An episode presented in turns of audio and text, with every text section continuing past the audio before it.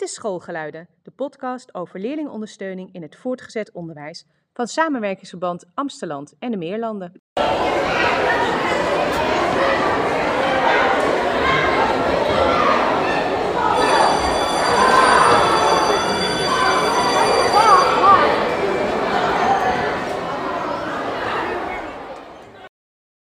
In het onderwijs wordt veel gesproken over inclusiviteit. Maar hoe staat het er eigenlijk voor? Wat betekent het überhaupt? Vragen waar het onderwijs mee worstelt. In deze podcastreeks zijn wij op zoek naar antwoorden. Wie zijn wij? Wij zijn Loes Hortensius, onderwijsadviseur, en Merel Schulte, orthopedagoog.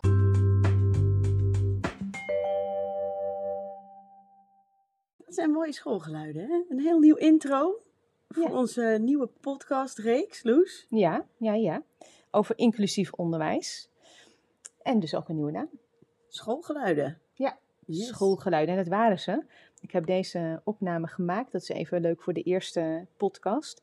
Maar ik zat te werken ergens in een kamertje. En ik dacht, ik wil eigenlijk voor deze podcast echte schoolgeluiden. En dan kan je natuurlijk zoeken op internet en zo. Maar nou, dat is toch niet echt, echt, echt. Dus ik dacht, ik ga in die school waar ik toen was, de gang oplopen. Nou, alsof er duizenden brugpiepers om mij heen krielden. Het is natuurlijk ook even voor de tijdsgeest september. Ze zijn allemaal net Mhm, begonnen, grote mhm. rugtassen vol verwachting. Nou, zo druk had ik het nog nooit gezien. Dus ik dacht, deze is van mij. Die neem ik op, inclusief bel. Hup. Ja, dat even over eh, inderdaad de opname in de school. Eh, verder hebben we in deze uitzending eh, altijd de rubriek Wat is voor jou inclusief onderwijs? En daarbij vragen we verschillende mensen uit het veld wat voor hun inclusief onderwijs is. En we hebben een interview.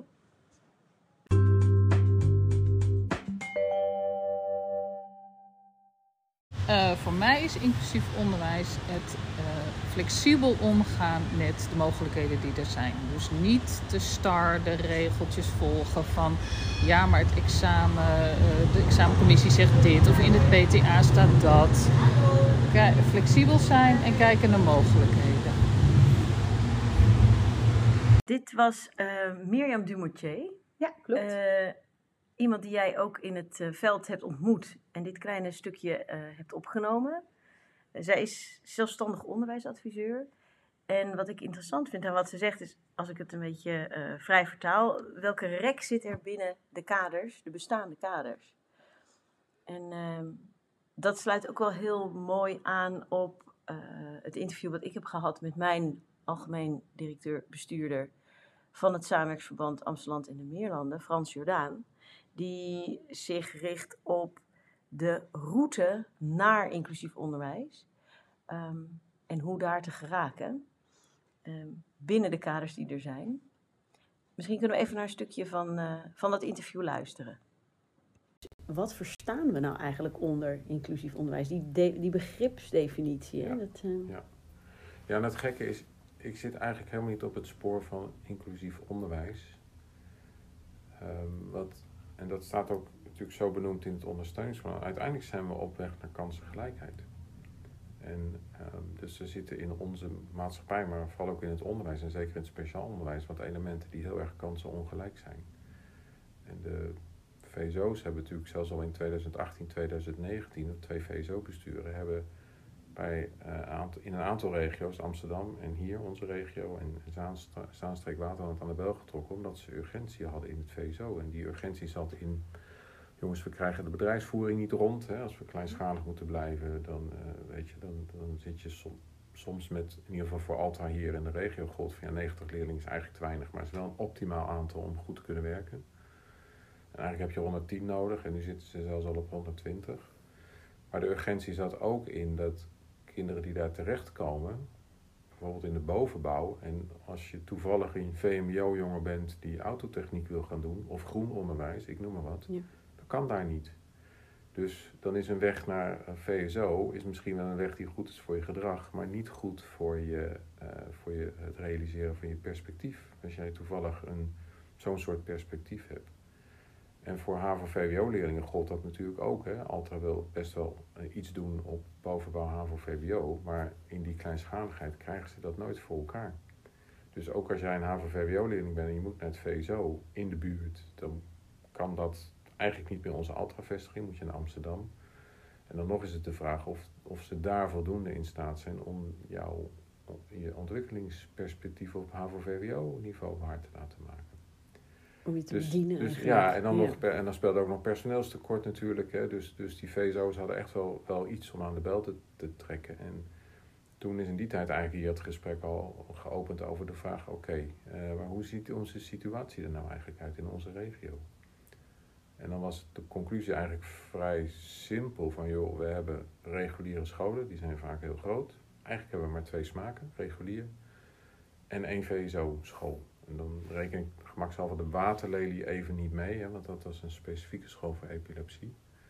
Maar dan hebben we maar twee smaken en daartussen hebben we eigenlijk niks. Dus als wij echt iets van inclusie willen realiseren, moeten we nadenken over de vraag wat hebben we nog meer nodig dan grote reguliere scholen.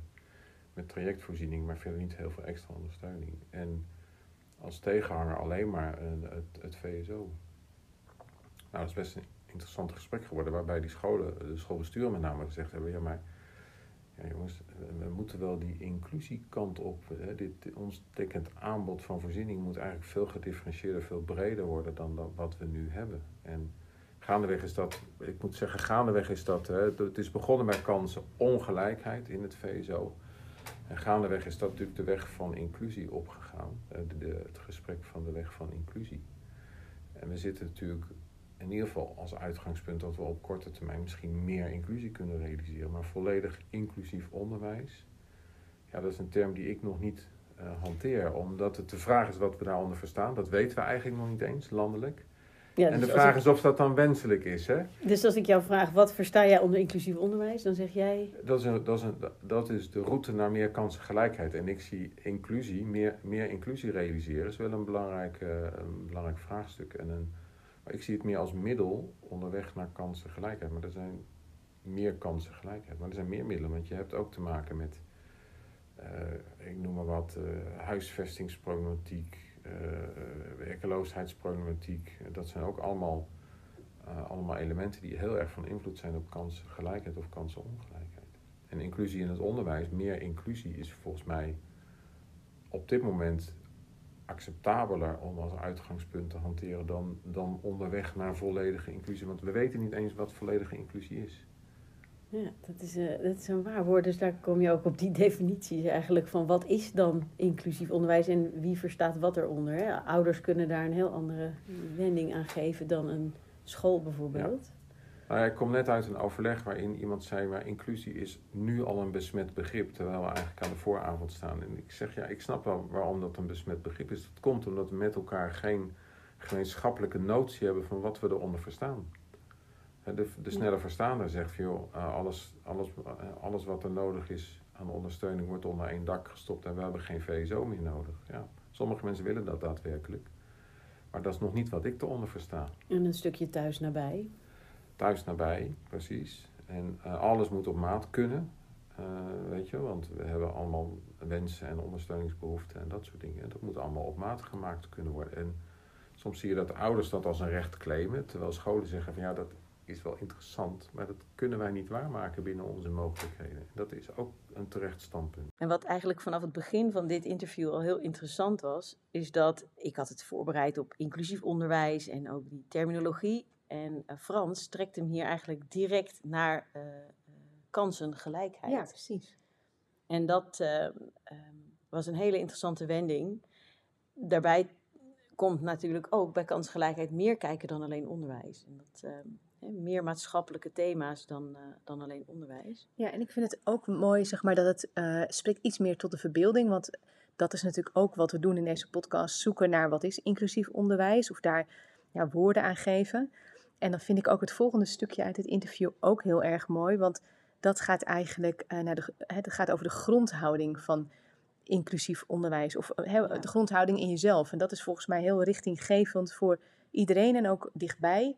Ehm, nou ja, laten we daar ook nog even naar luisteren. Welke factoren zijn er nu dan eh, van groot belang? We hebben het heel even gehad over het ondersteuningsplan van het eh Samenwerkingsverband Amsterdam-Meerlanden. Daarin neemt inclusie, inclusief onderwijs een belangrijke eh, eh, positie in. Welke factoren zijn dan nu eigenlijk hè, het volgende streven? Die zegt, die zijn echt belangrijk om die Nou, met ik elkaar denk- ik denk na te streven ja, ik op die denk route? Zo, zo twee dingen, er zullen ongetwijfeld nog, nog meer zijn, maar twee denk ik die ik eruit kan pikken, want die staan ook wel zo in het ondersteuningsplan. En dat is, kijk, inclusie is nu een te groot abstract begrip voor veel mensen, dus je moet het een beetje downsizen. En daarom is een van de, van de eh, aandachtspunten in, mijn in ons ondersteuningsplan, is dat je begint bij een inclusieve grondhouding. Dus je moet eerst eens even bij jezelf, dat kan iedereen doen voor zich, bij jezelf te raden. Wat zit er aan inclusie al in mijn handelen en denken? En waar kom ik nog mijn eigen exclusie tegen, bij wijze van spreken? En die kom je echt tegen hoor, die kom ik ook tegen. Dus maar, maar om het behapbaar te maken is, hou het klein. Ik bedoel, eh, het concept van, het, ik noem het een leidend principe, is, is- zorg eerst eens voor een inclusieve grondhouding. Dus in de kern, al je dagelijkse dingen, hoe ga je daar inclusie in, in tonen, in, eh, in ervaren? Of, of ben je nog wel erg excluderend bezig eigenlijk in een Hm. aantal opzichten? Dus dat is de, de ene kant. En de andere kant is dat wij natuurlijk nu met passend onderwijs ook alweer heel wat jaren onderweg zijn. En passend onderwijs en inclusief onderwijs zijn min of meer hetzelfde, als ik even heel snel redeneer. En je ziet dat we de afgelopen jaren heel erg geïnvesteerd hebben in ondersteuningsstructuren binnen de scholen. Ervoor zorgen dat er begeleiders passend onderwijs zijn, dat er verbinding is met de jeugdzorg. Dat kan allemaal nog optimaler. Maar wat nog een opgave is, en dat zeggen veel eh, ondersteuningscoördinatoren ook wel, is je wil nu de stap naar de klas maken. Dus passend onderwijs, inclusief denken, inclusieve grondhouding, dat moet ook vooral bij de docenten en de mentoren terechtkomen. En dat is best een opgave, want nou, dat samenwerkingsverband in ieder geval, wij hebben niet directe netwerken met de mentoren en de docenten. Je komt ze misschien eens tegen op leerlingniveau. Maar wij werken met de begeleiders passend onderwijs en met name met de ondersteuningscoördinatoren. Maar de opgave is wel dat passend en inclusief onderwijs pas echt gaat draaien als je dat heel erg in de klas en op school, dus letterlijk op school, terugziet. Ja, dit vind ik dus echt een mooi stukje, die grondhouding, maar ook vooral dat eh, passend onderwijs en inclusief onderwijs naar de werkvloer moet. Vertalen naar de werkvloer. Ja, Dat, dat is waar het natuurlijk terecht moet komen. Dus dat is voor ons een opdracht hè, in deze podcast om daar verder onderzoek naar ja, te doen. dat gaan we meenemen ook in onze verdere eh, zoektocht. Ja, precies.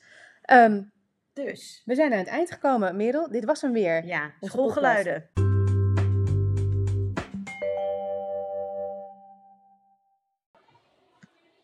Je luisterde naar een uitzending van Loes Hortensius, onderwijsadviseur, en Merel Schulte, orthopedagoog, beide verbonden aan Samenwerkingsverband Amsterdam en de Meerlanden.